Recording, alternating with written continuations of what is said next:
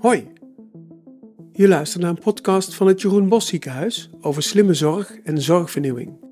Over de zorg van de toekomst. Over zorg die bij je past. Gewoon omdat jij het toe doet. Ik heb een gesprek met Musharraf Chaldiskan, apotheker in het JBZ, over artificial intelligence en wat daarbij komt kijken. Hoi Musharraf. Hey Mark Anthony.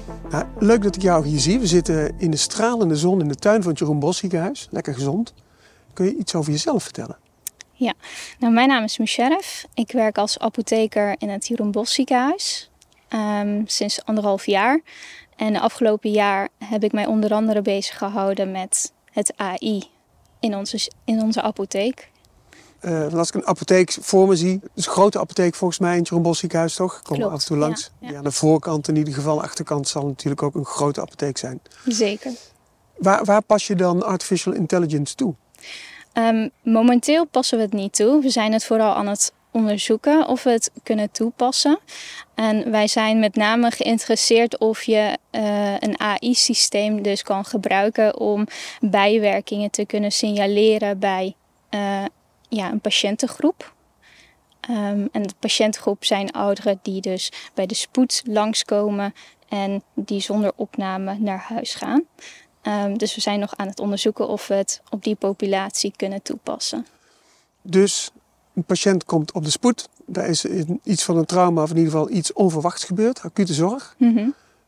Hoe speelt dan, hoe, hoe ziet dat eruit? Hoe, spe, hoe speelt artificial intelligence een rol in dat proces?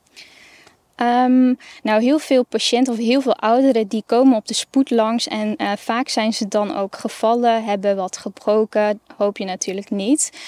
Maar dan gaan ze, worden ze gezien door een ja, orthopedie worden ze gezien.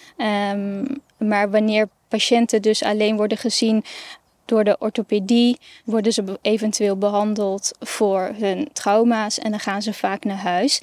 Um, ja, heel veel van die patiënten die ja, of een deel van die patiënten die hebben een bijwerking. En uh, een, een ja, orthopeed of een chirurg die kan dat meestal niet zien. Die bijwerking die is vooral gefocust op een trauma, dus het behandelen van een botbreuk bijvoorbeeld. Uh, maar die kijkt niet zo, gauw, niet zo gauw naar de patiënt. Die onderzoekt niet wanneer, waarom die patiënt is gevallen. Um, dus er is eigenlijk veel meer aan de hand als een patiënt op de spoed komt. En een specialisme die behandelt, ja, waar die gespecialiseerd voor is. Ja. En dan gaat de patiënt naar huis. En wij zijn geïnteresseerd in die patiënten die dus eigenlijk ja, tussen wal en schip vallen. Nou, die patiënten die als zij opgenomen worden, komen ze, uh, worden ze vaak gezien door uh, de specialist. En als het om oude patiënten gaan, ook een geriater. Uh, en die kunnen dus um, ja, de bijwerkingen heel goed ja, signaleren, omdat zij overal naar kijken, een uitgebreide medicatiereview doen. Precies. Um, en dan wordt de bijwerking of de behandeling van die patiënt wordt dan aangepast. Mm -hmm. En dan gaat de patiënt eigenlijk weer in een betere staat, even gechargeerd gezegd, uh, gaat hij naar huis. Maar dat geldt natuurlijk inderdaad alleen voor die patiënt die opgenomen wordt. Inderdaad. Want als die patiënten dan uh, niet opgenomen worden, dan, dan uh, worden zij gezien door de SEH-arts of door een uh, orthopeed of een chirurg voor de desbetreffende botbreuk. De kans is klein dat dat de bijwerkingen die, die niet worden gezien, dat de patiënt ermee weer naar huis gaat. Wat ik me dan afvraag is, de bijwerkingen waar je het over hebt, zijn die dan wel gerelateerd aan het trauma? Is dat wat verwacht wordt? We, we, we zijn afgelopen maanden bezig geweest met een klein onderzoekje. Om onder andere ook deze, daar kwam deze vraag ook in terug. En vaak zie je dat patiënten um, gevallen zijn. De, de, oorzaak voor vallen zou eventueel wel medicatie gerelateerd kunnen zijn. Dus een aantal patiënten die bijvoorbeeld um, ja, orthostatisch zijn of een lage bloeddruk hebben, dus door snel opstaan, wat een wat waarbij medicatie dus een uitlokkende factor zou kunnen zijn. Dat is denk ik wel de grootste groep die we zien op dit moment. Dan komt er iemand op het idee om eens, ja, de geriater, Ja. tussen aanhalingstekens, eh, te vervangen niet. Want de geriater die heeft de patiënt echt gezien. Maar op het moment dat de patiënt naar huis gaat, dan eh, gebeurt dat niet. Maar om dat stukje met AI te gaan oplossen, hoe gaat dat in zijn werk? Uit het onderzoek wat ook eerder is gedaan, is gebleken dat uh, heel veel patiënten dus laat ik het zo zeggen, in het onderzoek zijn heel veel patiënten ja, beoordeeld op bijwerkingen, of, of zij die bijwerkingen hebben. En daarbij hebben ze uh, gebruik gemaakt van ja, men, ja, mensen of artsen. Handmatig zijn die patiënten beoordeeld. En er was maar 4% van de hele groep kwam wat relevants uit. En 4% is natuurlijk best wel een laag getal. Uh, en het kost heel veel tijd om dus die 4% eruit te vissen. Ja. Dus om het wat doelmatiger te maken, kijken we of we een AI-systeem kunnen gebruiken. Die een soort van lijstje voor je maakt. Met daarin de patiëntenlijst die aangeeft deze patiënten die lopen groot risico op een bijwerking. En dan zou je alsnog natuurlijk als zorgverlener, als apotheker of klinisch farmacoloog naar de medicatie van die patiënt kunnen kijken. Maar er wordt met behulp van het AI-systeem wordt voor, voor, voor de apotheker wordt in ieder geval een lijstje gemaakt van deze patiënten hebben de hoogste risico. Ja, het is een soort van traffic light, groen, oranje, rood. Ja. Uh, ja. En als het oranje en rood is, dan is het goed om de patiënt nader te zien. Ja, wat, we krijgen dan een soort van predictiescore um, van het AI-systeem. Mm -hmm. um, dat is een soort van ratio, loopt van 0 tot 1. En hoe dichter bij de 1, hoe hoger de risico op een bijwerking volgens het AI-systeem. Dus dan zou je bijvoorbeeld de top 5 kunnen beoordelen.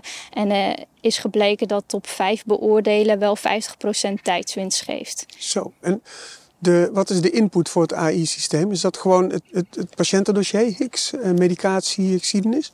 Ja, de, onder andere uh, medicatiegeschiedenis, uh, um, ja, dossiervastlegging van de artsen, labgegevens, die wordt erin meegenomen. En dan, dus die informatie is natuurlijk, zit onder een druk van de knop. Ja. Maar hoe lang duurt het dan voordat het, je die score uit het AI-systeem krijgt? Echt een paar seconden. Echt waar? ja. Ja, het is echt, um, je, stopt, je stopt een bestand met de patiëntenlijsten stop je in en drukt op een knop. En ik denk binnen vijf of tien seconden dat je die scores wel eruit krijgt. Maar je zei net, het wordt nog niet toegepast. Waarom is dat? Um, we zijn dus niet aan het kijken of, of je het AI-systeem ook kan gebruiken voor die specifieke patiëntengroep die uh, op de spoed komt en weer naar huis gaat.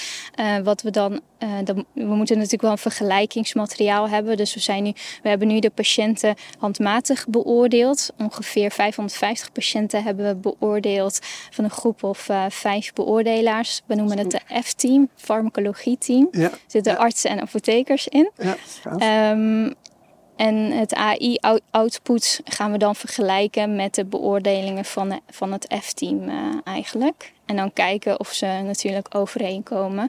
Eigenlijk ja, verifiëren. En beoordeelt het hele F-team al die 550 dossiers? Of? Nee, we hebben de patiënten hebben we onderverdeeld onder de F-team uh, teamleden. Um, en we hebben elke twee weken hebben we een bijeenkomst gehad waarbij dus de twijfelgevallen werden ingebracht. En dan namen we ja, de, patiënten, de twijfelpatiënten wel door met z'n allen. Als het in de toekomst gebruikt gaat worden, hoe wordt het dan gebruikt? Uh, hoe wordt het dan gebruikt? Dat is een goede vraag. Over de implementatie hebben we wel een aantal ideeën. We, we willen in gesprek met de eerste lijn. Uh, we willen ook een focusgroep opzetten met de eerste lijn om te kijken waar hun behoefte natuurlijk aan ligt. Want wij uh, zien onze rol vooral als een signalerende rol. Die patiënten die gaan naar huis, dus die zien wij in het ziekenhuis niet. En ik denk dat je meer uh, voortgang boekt als je het samen doet. Um, ik denk dat de samenwerking met de eerste lijn cruciaal is ik denk dat het eerst goed is om te beginnen van wat wil de huisarts of de openbare apotheker weten als er zo'n bijwerking speelt. Welke bijwerking vinden zij interessant? Uh, en hoe kunnen we het natuurlijk uh, inrichten? Hoe die communicatie dan ook gebeurt. Dat zijn dingen die we dan eventueel mee moeten nemen. Maar dat, uh, daar zijn we nog aan het nadenken en ik hoop dat dat binnenkort volgt. Het is natuurlijk heel interessant dat je daar überhaupt mee aan de gang kunt. Dat wil zeggen dat er ook relevante ja, informatie uitkomt, dat je iets, iets uh, ja, zeker. tastbaars hebt. Ja, zeker. We hebben dus uit die 550 patiënten hebben we even denken, 35% had wel medicatie gerelateerde problemen, 35%. Um, dus dat is wel wat. En er zaten ook een aantal patiënten bij die je wel echt aan de huisarts zou willen, willen overdragen of willen, willen doorgeven dat er wat mee is. Dus ja. Daar moeten we wel goed over nadenken. En over het proces, hè? Dan, je, je begint aan zoiets uh, enthousiast met een stip op de horizon. Ik kan me voorstellen dat die stip op de horizon ook een aantal keer verplaatst is. Op andere plaatsen in Nederland gebeurt dit ook? Is dat zo? Um, wij hebben het in ieder geval, of ik heb het in ieder geval niet gehoord. Um, ik denk dat wij wel een van de eerste zijn die het zo willen insteken. Dus nee. nee wat... Hoe komt dat, denk je, dat het dan in de Bos, in Bos ziekenhuis wel gebeurt, zoiets? Nou, vind ik een goede vraag. En wat zijn de randvoorwaarden voor succes? Ja, ik denk dat een van de randvoorwaarden wel is dat, dat je goede contacten moet hebben met de eerste lijnzorg. Dus de huisartsen en de openbare apothekers uit de buurt. En uh, daarvan weet ik wel dat dat goed is. Um, en zij moeten natuurlijk ook wel bereid staan om, om hierin mee te gaan. En zij moeten natuurlijk ook die behoefte hebben. Ik denk dat dat wel de belangrijkste randvoorwaarden zijn. En de, de AI-kennis, waar komt die vandaan? Want die lag nog niet in een la in het JBZ. Nee, klopt. Die is, uh, eerder is die um, ja, opgesteld door uh, een studenten van de JET, Geronimus Academy of Data Sciences, als ik het goed zeg. En die heeft het AI-systeem opgezet voor patiënten die dus opgenomen worden. Maar goed, dan zijn we dus niet aan het kijken of die patiënten of het AI-systeem voor onze doelgroep gebruikt kan worden. Wat ik me afvraag is, ik ben geriater in het JBZ, ik zie deze ontwikkeling. Mm Dan denk ik, wacht even, straks gaan ze dat ook inzetten bij de patiënt voordat die bij mij is. Nou, er zit een geriater zit in het F-team. Oké. um, en ik denk dat die alleen maar blij, uh, blij zullen zijn. Ik denk dat je juist de, de oudere patiënten juist niet in het ziekenhuis wil, wil hebben. Dus ik denk niet dat, dat zij zo zullen denken, nee. Ja, dus het wordt, uh, uh, verwacht jij in een bredere zin uh, als toegevoegde waarde gezien? Ja. En wat is een grote uitdaging voor een succesvolle implementatie? Grootste uitdaging voor een succesvolle implementatie. Nou, grootste uitdaging is denk ik toch wel de implementatie van het AI-stuk.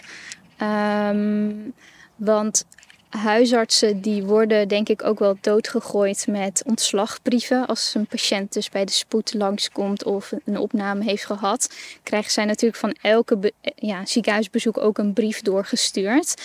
Um, dus zij hebben al een overvloed aan informatie. En ik denk dat het een uitdaging is om, ja, om te kijken van zouden zij deze informatie ook nog willen hebben? En hoe gaan we dit dan implementeren? Komt er, komt, ja, de vraag die bij mij dan opkomt is: kunnen de openbare apothekers hier misschien een rol in spelen? Ja. Of een samenwerking met de huisartsen? Ja, dus het overbrengen van wat dit voor de patiënt betekent, de toegevoegde waarde voor de patiënt, dat is een uitdaging. Want als... Nou, de toegevoegde waarde voor de patiënt, dat kunnen we zeker duidelijk maken. Alleen de implementatie, hoe we dit uh, hoe we dit gaan implementeren, dat is denk ik wel een uitdaging. Ja. Het is mooi dat daar zorgen over gemaakt kan worden, ja. over die implementatie. Want als je niks had om te implementeren, was dat ook geen issue geweest. Ja, en ik denk uh, dat die zorgen ook wel ervoor zorgen dat we het goed of zorgvuldig kunnen implementeren. Gaaf. Ja. Ontzettend bedankt voor het gesprek. Ik vond het erg leuk. Graag gedaan. Jij ook bedankt. Super. Deze podcast is mogelijk gemaakt door Manon Taminio, Musharraf Chaldiskan en Marc-Anthony Taminio.